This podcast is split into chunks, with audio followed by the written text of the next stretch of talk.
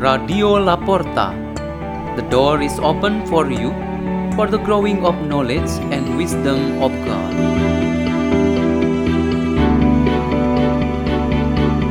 delivered by Elizabeth Mirna and Lloyd Francis from St. Peter's School in Jakarta, Indonesia.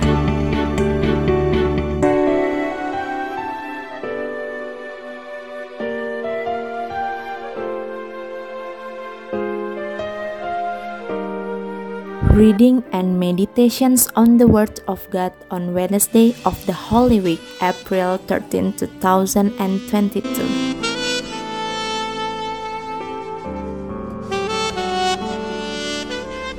The reading is taken from the Holy Gospel according to Matthew, chapter 26, verse 14 to 25. One of the twelve, who was called Judas Iscariot, went to the chief priest and said, What are you willing to give me if I hand him over to you?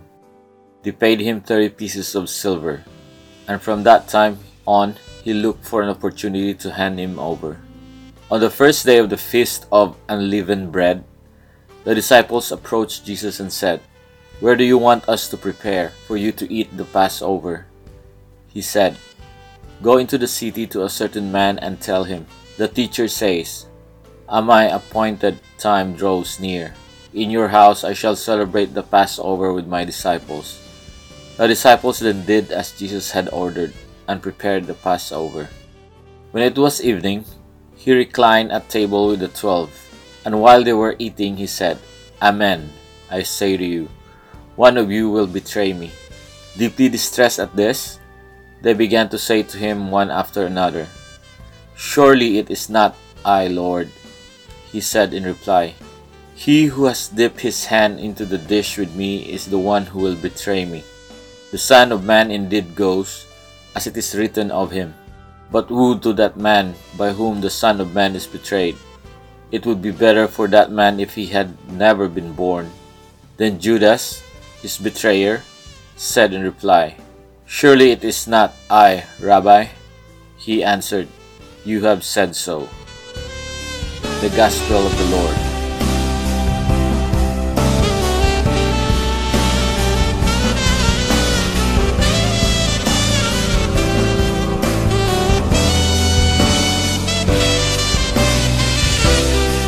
The theme for our meditation today is the challenges from Judas Iscariot. Judas was one of the twelve apostles of Jesus who died earlier than the rest eleven, and that was a very shameful death with very bad reputation. We say this in order to distinguish it with the tragic deaths experienced by almost all the other apostles who in the following decades died tragically as martyrs of the church. The tragic death of Judas was a very undignified death. This story happened more than 2000 years ago, precisely when the death sentence was handed down to Jesus through an unjust trial under the Judaism law. We who remember this event, especially in every year around the Holy Week season, see it as a lesson rich with the values to learn from. All of these are the challenges from Judas Iscariot that we need to face and benefit them for our growth of faith in Jesus Christ. The most important challenge from Judas for us today is the love for money or other material richness. A lifestyle that relies only on money or a life is only measured by material richness of the world is commonly known as materialism. From this lifestyle arises various other crimes such as theft, corruption, discrimination, violence, and war. We, as good followers of Christ, certainly do not want to suffer the same fate as Judas, just because we strive only for money or material things that will lead us to a final emptiness and undignified death. The challenge of politicizing religion for us is another important element to ponder upon. Both Judas and the other apostles and also the Jewish leaders did have their common political interests. They wanted to have Messiah, the great political figure for their nations and people.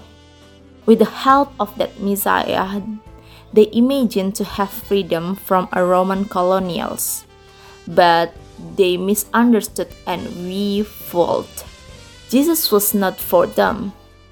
In the social life of our country, we are challenged to completely avoid the politicizations of religion. There must be no political influence in it, nor should a life of faith impose any political ways to simply divide the community of believers. Another challenge that we can learn from this event is what played by Judas, namely the hypocrisy.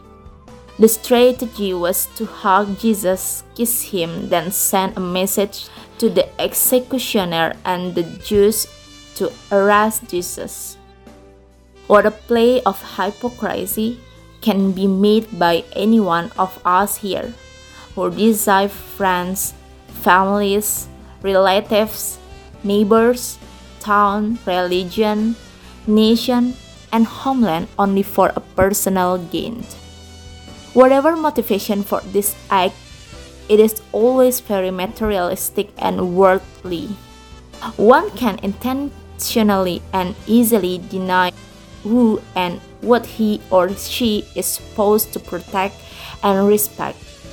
We must fight and overcome all these challenges in our lives today. Let us pray. In the name of the Father, and of the Son, and of the Holy Spirit. Amen. O Jesus Christ, put it us courage and goodwill that we may avoid the attitudes of Judas in us so that we can live a holy life like you. Glory be to the Father, and to the Son, and to the Holy Spirit, as it was in the beginning, is now, and ever shall be, world without end. Amen. In the name of the Father, and of the Son, and of the Holy Spirit. Amen. Radio La Porta. The door is open for you.